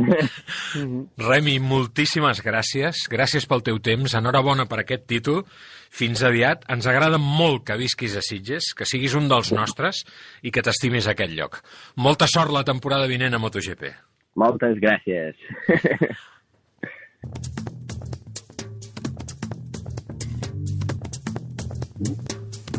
Estem parlant de Moto2, acabem d'escoltar el campió del món d'aquesta temporada, Remy Garner, i arriba el moment ara d'analitzar l'actuació dels pilots catalans en aquesta divisió. Poquets, només dos. El primer d'ells, Quim, Xavi Vierge, que l'any vinent se'n va a Superbikes amb una Honda. Sí, podríem definir el seu any com estancat. També podria haver dit casolà, perquè l'únic podi de la temporada el va aconseguir a casa, va ser tercer al Gran Premi de Catalunya. Vierge, treballador i lluitador com pocs, però el pilot de Castellbisbal no ha trobat ni la velocitat ni la regularitat necessàries per erigir-se tampoc en aquest 2021 en un dels homes forts de la categoria i ha acabat 11è amb 93 punts, la que és la sisena ja temporada a Moto2. Conscient de la manca de progressió, com dius, canvia d'aires i se'n va a les Superbikes com a pilot oficial d'Honda. Esperem que li vagi molt bé, per ell, perquè és un tio fantàstic, i també perquè tenim ja moltes ganes de tenir un pilot de casa fent coses importants a la Superbike. Albert Arenas venia de guanyar el títol de Moto3, repetirà a Moto2 la temporada vinent. Aprenent, amb passos petits però confiem que ferms, fidel a la seva trajectòria a Moto3, categoria que va acabar guanyant l'any passat després d'anys de lenta progressió, el gironí la veritat és que no ha brillat gens a la seva temporada d'estrena a la classe mitjana i només han sumat una mica al podi a Motorland, una mica perquè va acabar per terra a la cursa. Només va acabar entre els 10 primers la cursa de Sachsenring, 8è, i ha estat 21è a la general final de Moto2 amb 28 punts. L'any que ve serà el moment de veure si, amb una càlex disfressada de gas-gas, Arenas expandeix els fonaments apresos amb la menys competitiva Bosco Oscuro, de fet com ja va fer a Moto3, quan va passar de Mahindra a KTM. Em vull vendre el cotxe, vendre el cotxe. A vender mi cotxe et comprem el cotxe. Però com? On i quan? No tinc temps. Fàcil i molt de pressa. No cal ni demanar cita. Vine amb el teu cotxe, accepta la millor oferta i abans de 30 minuts tu i els teus diners estareu de tornada a casa. Vinga, venta el cotxe a vender mi cotxe. Som a Barcelona, al carrer Rocafort 78, Cornellà de Llobregat i a Sabadell. Et vols vendre el cotxe? Busca, compara i, si algú te'n paga més, vine a Ocasión Plus. Millorem qualsevol taxació al millor preu garantit, pagament al cap de 30 minuts. Ocasión Plus, dues botigues a Terrassa, un altre a Mataró i també a ocasionplus.com. Obrim els dissabtes matí i tarda. RAC més us està oferint Cafè del Paddock. Tota l'actualitat del món del motor amb Josep Lluís Merlos. Cafè del Paddock especial Champions amb els campions mundials i hem deixat pel final la categoria reina MotoGP. Sempre obrim amb MotoGP i avui hem considerat doncs, eh, que valia la pena obrir d'una manera diferent. Eh, deixem pel final el campió mundial, un altre campió que s'estrenava, un altre pilot que per primera vegada guanyava un títol mundial. Fabio Quartararo. Amb ell va tenir l'oportunitat de parlar recentment el Quim Salvador. Un pilot extraordinari, Quim. Ha fet una temporada molt diferent a tot el que havíem vist fins ara, sobretot en aquesta part final on ha acreditat una maduresa sensacional Fabio Quartararo.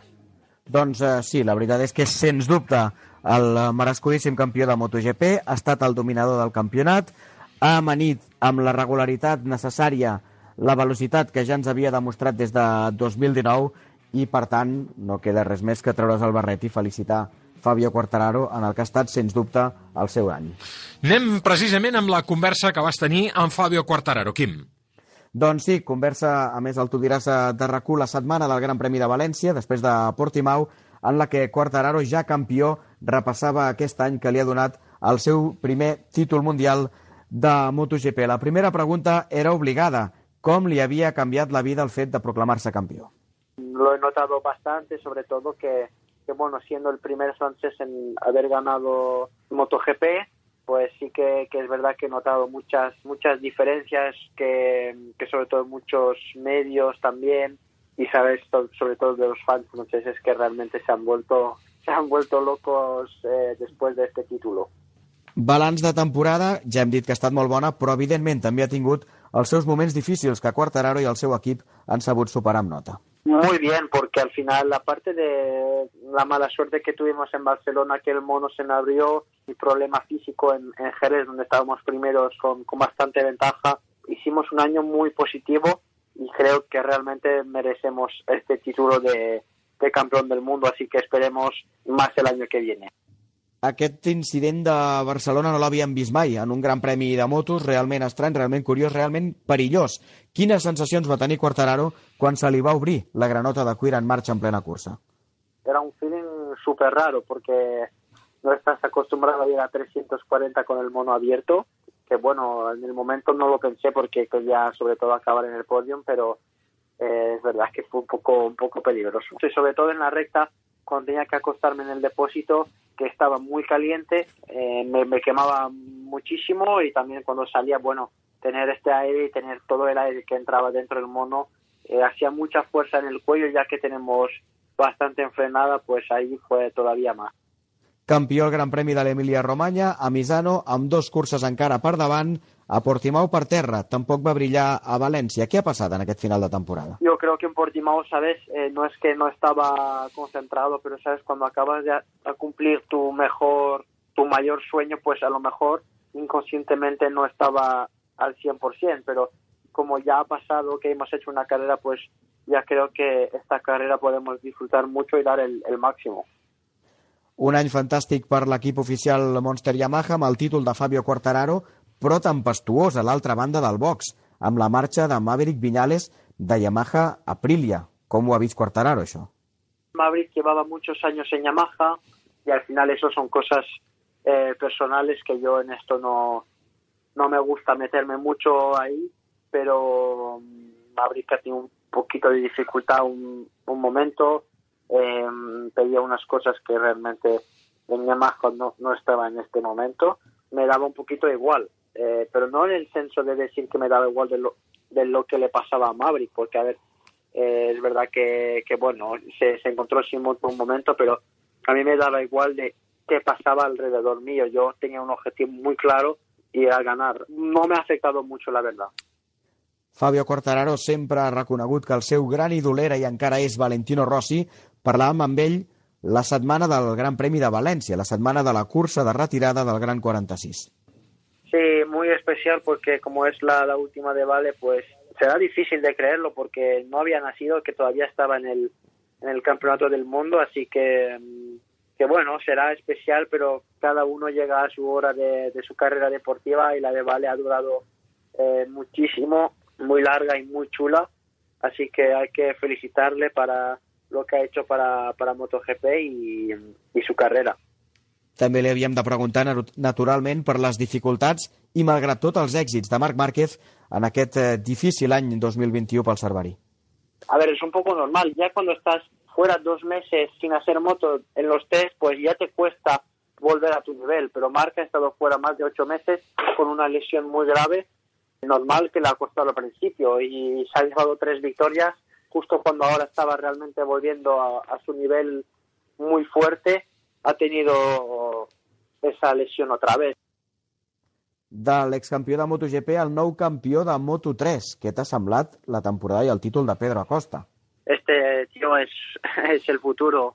Eh, ganar el primer año llegando a Moto 3, que me acuerdo que en Jerez le pusieron ya una presión que estar solo por una cosa de estar en la conferencia de prensa de con los pilotos de MotoGP, que estás ahí impresión y el tío es realmente muy fuerte mentalmente, mentalmente y pilotando, así que eh, yo creo que en dos tres añitos estará luchando, bueno, llegará a MotoGP y poco tiempo después luchar por el título seguramente.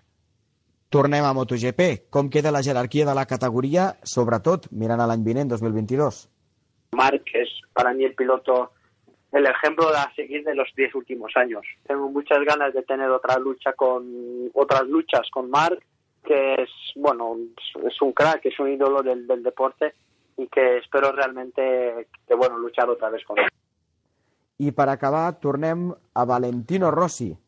Curiós el que ens explicava Fabio Quartararo, ja campió del món de MotoGP, quan es troba quan parla amb Valentino Rossi. Para decir la verdad, es el único piloto que realmente cuando veo, que realmente llevo años conociéndolo, que te- tengo una, una conversación con él, todo, es el único que todavía me da efecto cuando lo veo, que lo veo todavía con ojos de cuando tenía cuatro o cinco años, que era mi ídolo. Mm. Y eso es algo que, que es, es muy chulo. Que fa respecte.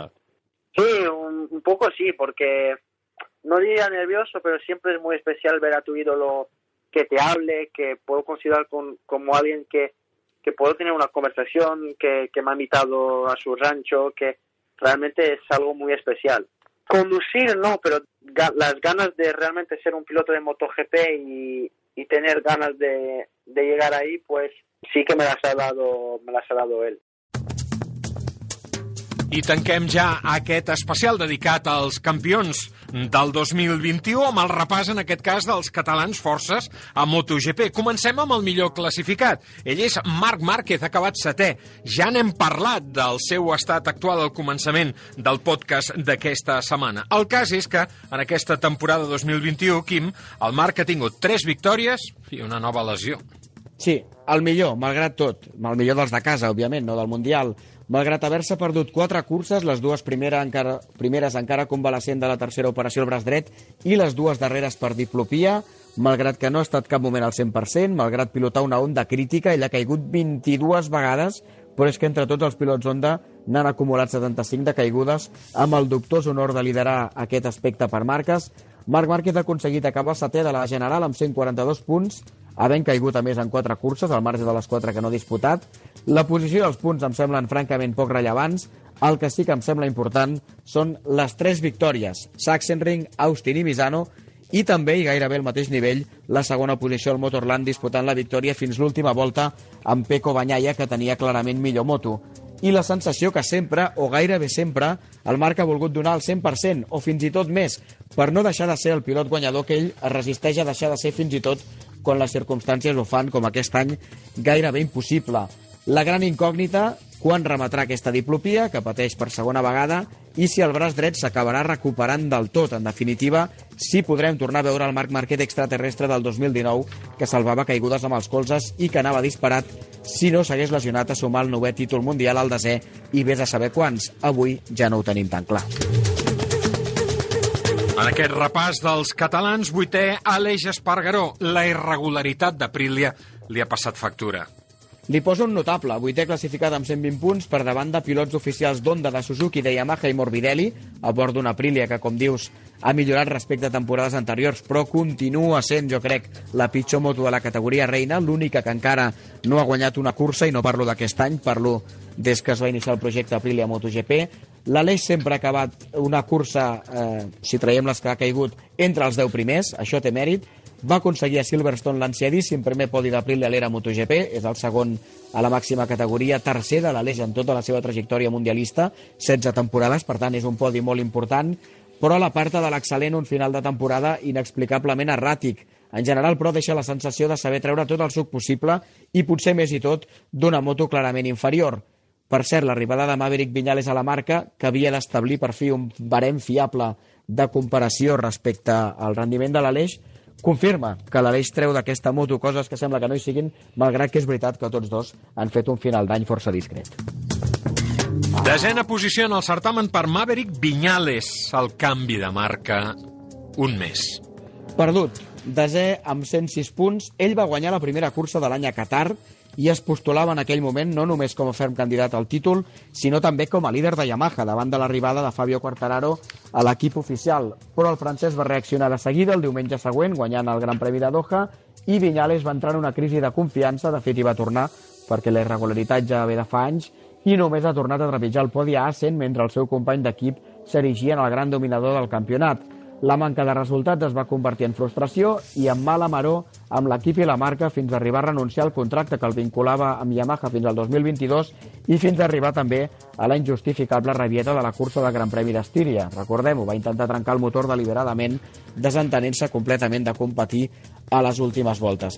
Ell explica que necessitava un canvi d'aires. Si és així, es pot entendre que volgués sortir de Yamaha com fos, les formes no, no les disculpo, encara que sigui per acabar pilotant una poc competitiva Aprilia. Des de fora, però, veiem que ha renunciat a la moto que ha estat campiona per afrontar un repte tan difícil com gran, que és guanyar amb l'Aprilia. Si no és que la casa de Noale eh, és un pont per mirar d'acabar a Ducati el 2023 jo no sé si la marca de Bolònia tindrà ganes de fer més ofertes a Vinyales després d'haver-ne rebut Carbassa ja en dues ocasions. Mentre esperem que pugui redreçar la seva prometedora carrera, si li surt bé l'aposta d'April ens haurem de treure tots el barret, lluny queda la victòria del març del 2028, eh, perdó, lluny queda la victòria del, del 28 de març a Losail, la primera de l'any, en tot cas, el 2021 de Vinyales ens deixa l'amarga sensació d'un talent perdut. Dotzena posició per Paul Espargaró, patint per adaptar-se a una moto gens fàcil, la Honda. Pica Pedrer, després d'aixecar des de zero el projecte de KTM i marxar de la marca austríaca circumstancialment i segurament també injustament sense cap victòria, en Pol ha aterrat al Repsol Honda, segurament el millor equip, en el pitjor moment, això sens dubte. Una motocrítica, un equip i una marca desorientat sense lideratge sòlid que Marc Márquez exercia des del 2013 i un excés d'expectatives també d'ell mateix, que al principi li van fer cometre errades de precipitació. Lluny d'enfonsar-se, amb aquest panorama potser hauria estat lògic, Pol Espargaró ha mostrat una vegada més que és un treballador incansable i ha acabat la temporada amb pinzellades esperançadores com la pole de Silverstone i el poli de Misano al Gran Premi de l'Emília-Romanya, segon darrere Marc Márquez. Llàstima de l'accident del divendres de València que li va impedir córrer l'última cursa de la temporada just quan començava a semblar que Honda havien trobat el bon camí.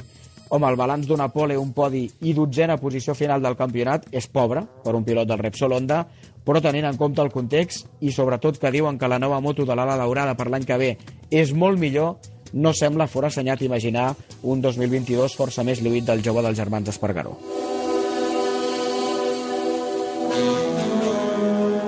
Tretzena posició per Àlex Rins. La culpa només és de Suzuki? Caigut l'any que havia de fer un pas endavant després, del seu, després que el seu company d'equip Joan Mir guanyés contra pronòstic al Mundial, Rins ha fet una temporada desastrosa, s'ha de dir així a nivell de resultats. Només un podi a Silverstone, 6 caigudes en cursa i 13, com dius, a la General. I a sobre, altre cop, la comparació sagnant amb Mir, perquè el mallorquí ha estat tercer del Mundial amb la mateixa moto. Sí, és veritat, una moto que no ha guanyat aquesta temporada, una marca Suzuki que s'ha dormit, eh, clarament, fins i tot amb el famós Hall Shot, que ja tenien la competència, han trigat mitja vida a portar-lo i quan el van portar no funcionava bé, i també s'ha de dir el descàrrec de l'Àlex, que les seves caigudes han estat sempre rodant en posicions capdavanteres. La velocitat no l'ha perdut. Ara es tracta, ell ha de trobar la manera de fer-ho i Suzuki hi ha d'ajudar, de recuperar l'equilibri pel 2022. Setzena posició per Àlex Márquez, que potser ha patit més pressió fora de l'equip oficial que dins. Ubac, que vol dir que és el que queda a l'ombra, que no hi toca el sol. Setzer, com dius, amb 70 punts. El més jove dels Márquez una mica el va enviar a l'ombra Alberto Puig, el traslladar la fe que té en Pol Espargaró en fitxatge per l'equip oficial i d'aquesta manera enviant l'Àlex a l'equip satèl·lit LCR després d'haver tingut una estrena a MotoGP molt irregular, sí, però també salvada amb dos podis. La veritat és que la temporada del Pol no ha estat brillant, l'acabem de repassar, però la de l'Àlex tampoc ha acreditat que el seu relleu de l'equip oficial fos un error. Massa sovint fora del top 10, sobretot en entrenaments, 6 caigudes en cursa, 19 en total, la quarta posició de l'Algarve és el seu millor resultat de l'any, a sobre amb la mala sort que una bandera vermella dues voltes pel final li va impedir lluitar amb Jack Miller, vell rival de l'època de Moto3, per un podi que tenia a l'abast, com a mínim l'hauria disputat. Tot plegat també s'ha d'entendre dins de l'Anus Horribilis d'Onda i com a mostra que el seu company d'equip Taka Nakagami, molt més experimentat a la categoria, només ha sumat 6 puntets més que l'Àlex i ha acabat 15è, una posició pel davant. I per acabar, dos catalans que han tingut un pas una mica testimonial enguany, no? Sí, Dani Pedrosa, que va ser pilot convidat al Gran Premi d'Àustria com a wildcard, va tenir una actuació digna, eh, desè, és veritat que va ser una cursa on va caure molta gent, i que potser més en fe que una altra cosa n'hi havia molts que esperaven més de la tornada del Dani a la pista.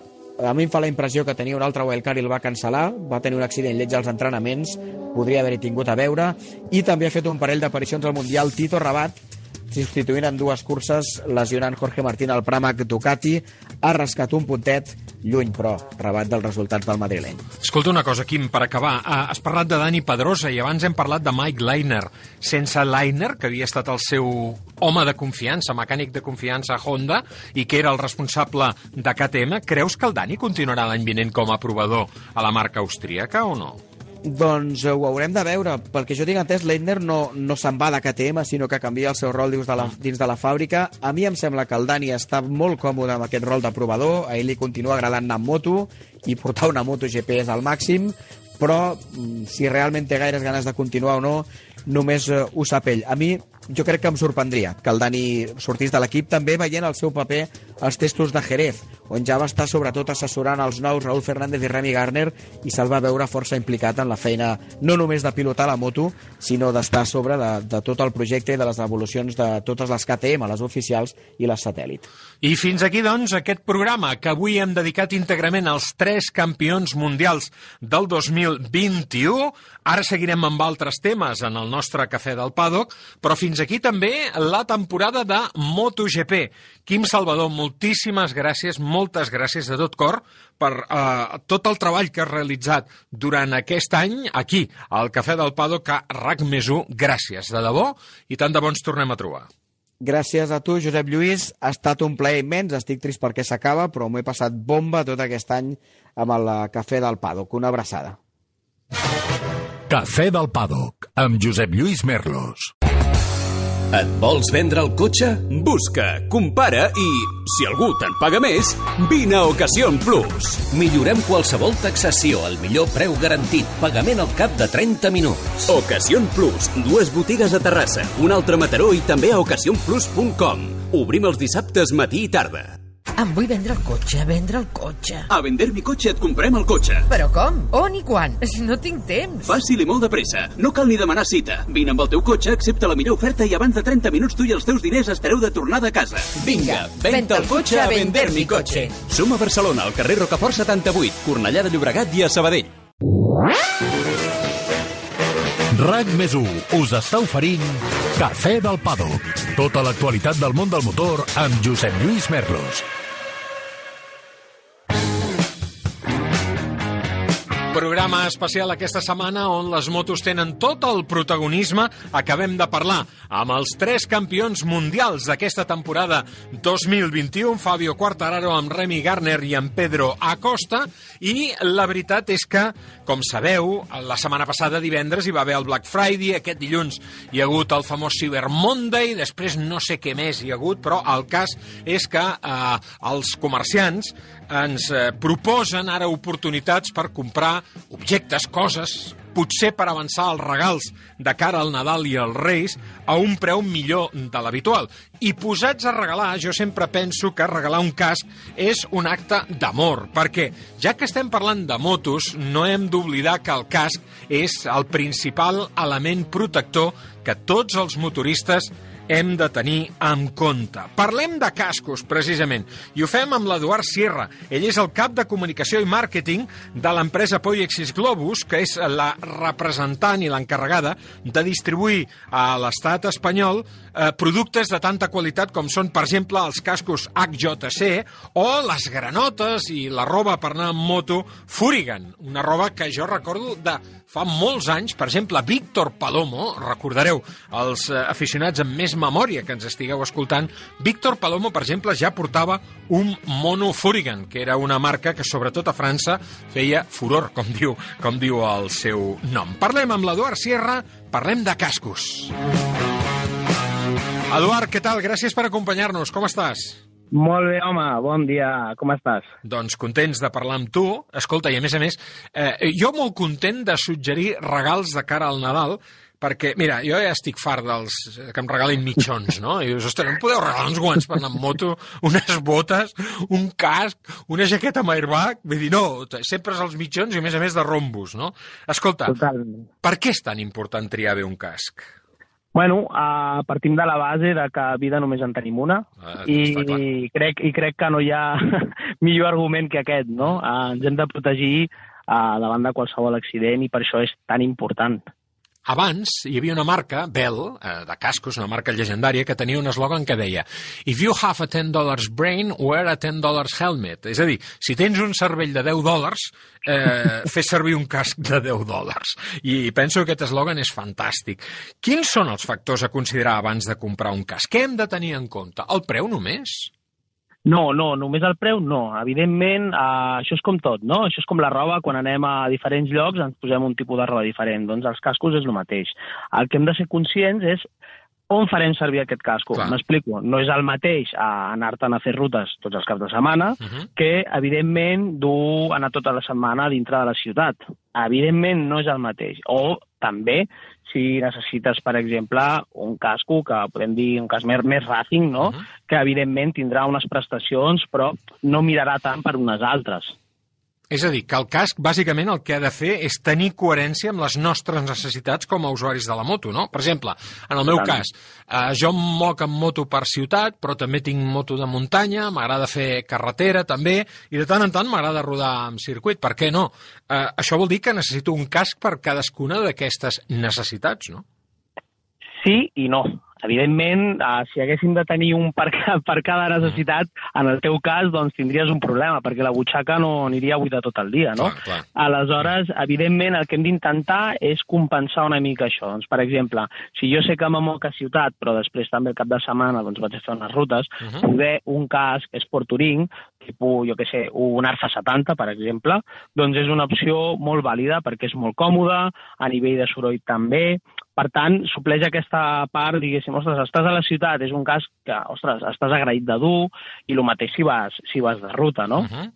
És un exemple, evidentment. També podem mirar opcions modulars, que també són supercòmodes per lo que és el trànsit urbà, Sí. i després també, si te'n vas a fer, jo què sé, triar, podem una, amb una moto tipus més Africa Twin, no? Uh -huh. que estan, són cascos molt pensats, els intercoms, etc etc. Més touring, no? Uh -huh. Exacte, aleshores és una opció molt vàlida, també.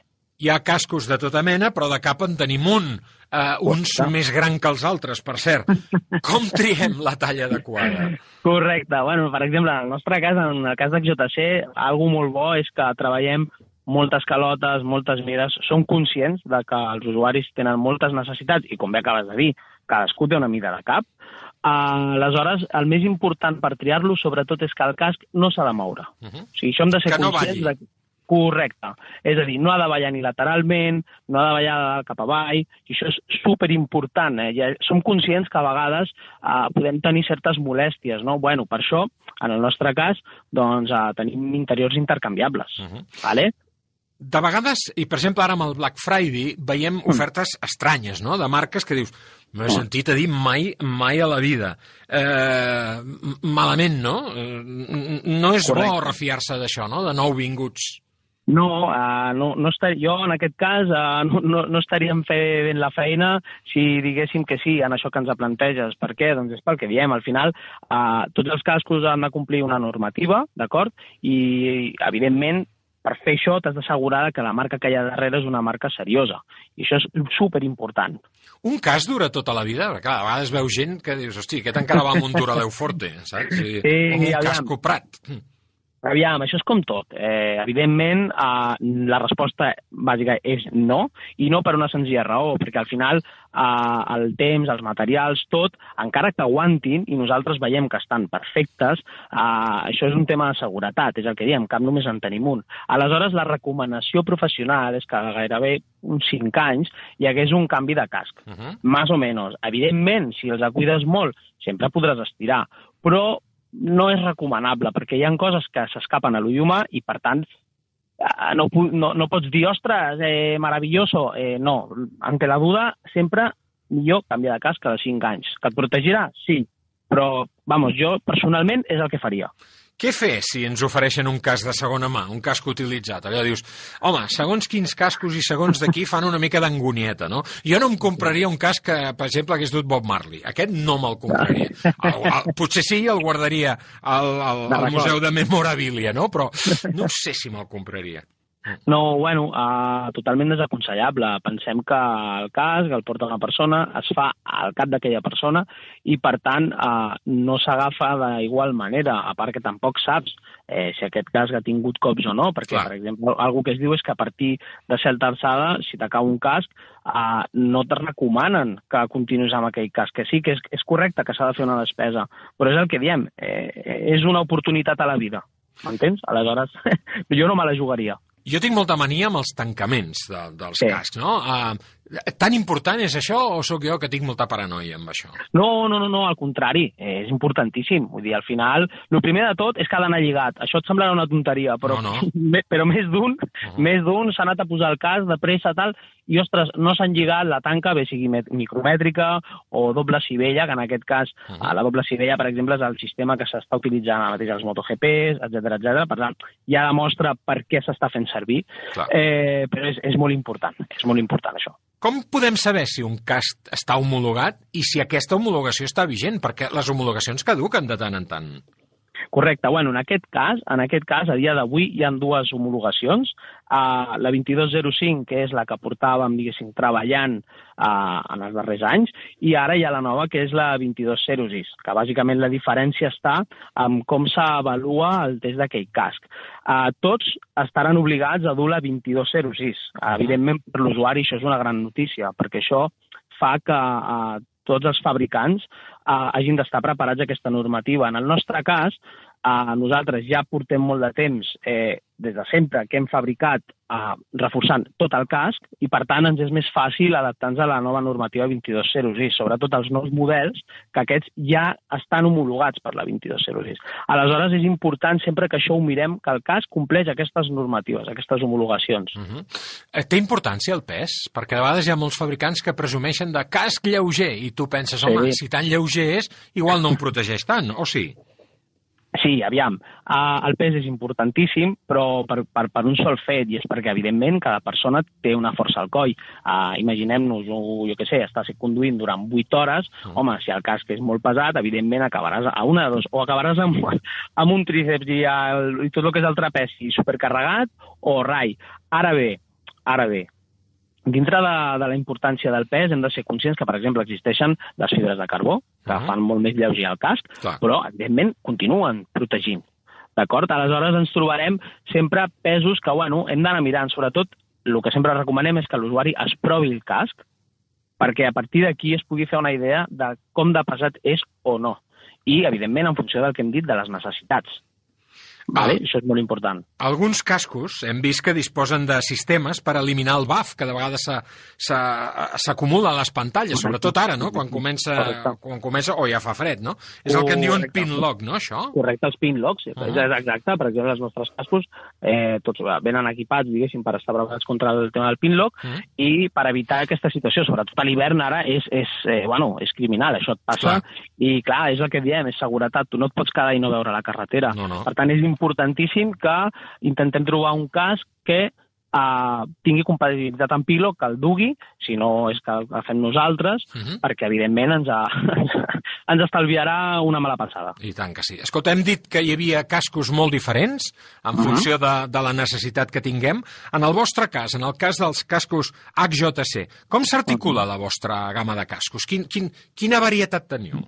On tenim, no, no, no t'imagines la quantitat de, de games que tenim. De fet, Sí. gairebé ho toquem tot. En aquest cas, uh, podríem començar per dalt de tot. Ara, recentment, o sigui, hi ha el que és la gamma Arfa, Ah. d'acord? Que, diguéssim, és tota aquesta gamma més racing, que també incorpora, en aquest cas, doncs, un modular, que és l'Arfa 90S. Uh -huh. Després tindríem tot el que fiquem dintre del sector dels integrals, que al final també és el tipus de cas més venut a nivell espanyol, d'acord? Eh, després ens n'aniríem als, als modulars, que molt important, molt important que tinguin doble, doble homologació PJ, perquè així ens permet estar circulant amb la mentonera cap amunt, Uh -huh. que si no això ens és multa, ja, ja t'ho ja avanço. Clar. Eh, I després ja ens n'anem a el que serien els Jet i el que és la gamma off-road. Uh -huh. Vale, més o menys això, a grosso modo, seria el, la gamma completa. Evidentment, dintre d'aquí et pots perdre. Clar, clar, clar, clar. Escolta, i el model estrella quin és? El pata negre vostre quin El pata negra. Mm. Ja, el pata negra, pata negra, pata negra que Mm. acabem de treure al mercat Mm. seria l'Arfa 1. Mm. Eh, és un casc eh, totalment racing, en aquest Mm. cas, eh, super esperat per la gent. Estem parlant de que és el mateix casc que porten al MotoGP, Sí. perquè, així com hem dit abans el tema de les homologacions, a part de complir la 2206, Mm. mm. també compleix, en aquest cas, la FIM, l'homologació FIM, vale? que és la que et permet entrar a circuit amb aquest casc, Mhm. d'acord? Aquest seria el pata negre acabat d'estrenar. El que és el més eh, famós o conegut és l'Arfa 11, que és el que quedaria per sota, i després tenim tenim també el que són els modulars, vale? com pot ser, per exemple, l'I90. L'I90 és un cas que aquí, o sigui, la gent li ha encantat. Uh -huh. En el nostre, en el nostre cas, és, vamos, a nivell de modulars, el més venut sense cap mena de dubte. I el casc més econòmic de la vostra gamma? Sí, aviam, aquí et pots trobar una mica de tot. Per exemple, tens uns integrals tipus a l'I70. l'I70 és una molt bona opció, d'acord? Uh, S'està al voltant dels 200 euros, Mhm. més o menys, però és el que diem sempre, al final, bueno, uh, és mi- qüestió de mirar-te la, la butxaca i el pressupost, eh, al final tens mil opcions de, de preu, perquè fixa't que de 200 a 300, sí, són 100 euros més, però ja ens n'aniríem, parlaríem, per exemple, de l'F70, que és un esport touring molt nou, eh, una miqueta més agressiu de lo habitual, que això, sobretot a la gent més jove, doncs li agrada, no? En què treballeu ara?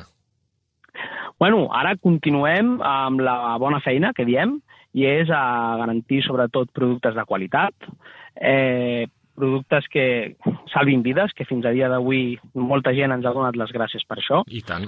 i continuar desenvolupant sobretot sistemes també tecnològics, que a part a JTC eh, se li està, ens estem enfocant també a lo que és la gamma dels intercoms, eh, ara recentment hem tret un producte nou que és, no, no el té ningú al mercat, mm. l'hem tret nosaltres, que és una càmera que s'integra dintre del casc. Que bo. Eh, sí, sí, sí, sí. Bueno, a, a, a dia d'avui eh, tot va per fotos, va per Instagram, Uh -huh. al final és, és algo que el mercat demanda.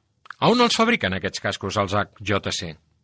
Sí, fabriquem... Bueno, HJC és coreana. Uh -huh. Tenim la fàbrica a Corea. I des d'allà ho portem tot, des de lo que és Europa, Estats Units, etc etc. Ens has parlat de MotoGP. Quins pilots els porten? Ara mateix, ara mateix, eh, podem dir en Binder, en Pol Espargaró, eh, l'Albert Arenas, en Xavi Artigas... Eh, tots aquests pilots a dia d'avui ja estan fent servir aquest pata negre que hem dit que és l'Arfa l'Arfa 1, Mhm. d'acord? Eh, I, bueno, la veritat és que molt contents, perquè al final ha estat un producte que va passar per una versió prèvia que era l'Arfa 0UR eh, i finalment hem trobat el producte de dir esto es lo que necesita el mercado, es un muy buen producto, i vamos allà, i així està la gent, que està esperant que els arribi tothom. Escolta, ara acabem de parlar amb el Fabio Quartararo i eh? ens explicava aquelles sensacions estranyes que va tenir quan al Gran Premi de Catalunya se li va obrir la granota, aquella imatge que ens va cridar tant l'atenció i que, segons el meu criteri, era mereixedora de, de bandera negra. Vosaltres feu també, eh, us encarregueu de la distribució de les granotes, per exemple, i de la roba de Furigan, que és una de les marques amb més trajectòria. Ara fa uns instants parlava jo del, del Víctor Palomo, no? que era precisament un dels usuaris de Furigan fa, fa ja molts anys, molts anys, molts anys. Total, totalment, ah, eh? totalment. La, la gent la gent, ara el que deies tu, a, a tu et sona. I, mm -hmm. bueno, de fet, porten 50 anys al imagina't, mercat. Imagina't. I, i, I, a veure, o sigui, és per alguna cosa. És per alguna cosa. Aquesta gent són líders del sector francès. Exacte. Uh, evidentment, és el que tu dius, no? O sigui, hi ha coses que no haurien de passar. Mm -hmm. eh, també és cert que s'ha d'analitzar cada situació, independentment de la marca, això és una que penso que és superimportant. Uh -huh. uh, quan hi ha algun problema, analitzem què ha succeït, perquè al final és l'única manera de, de millorar.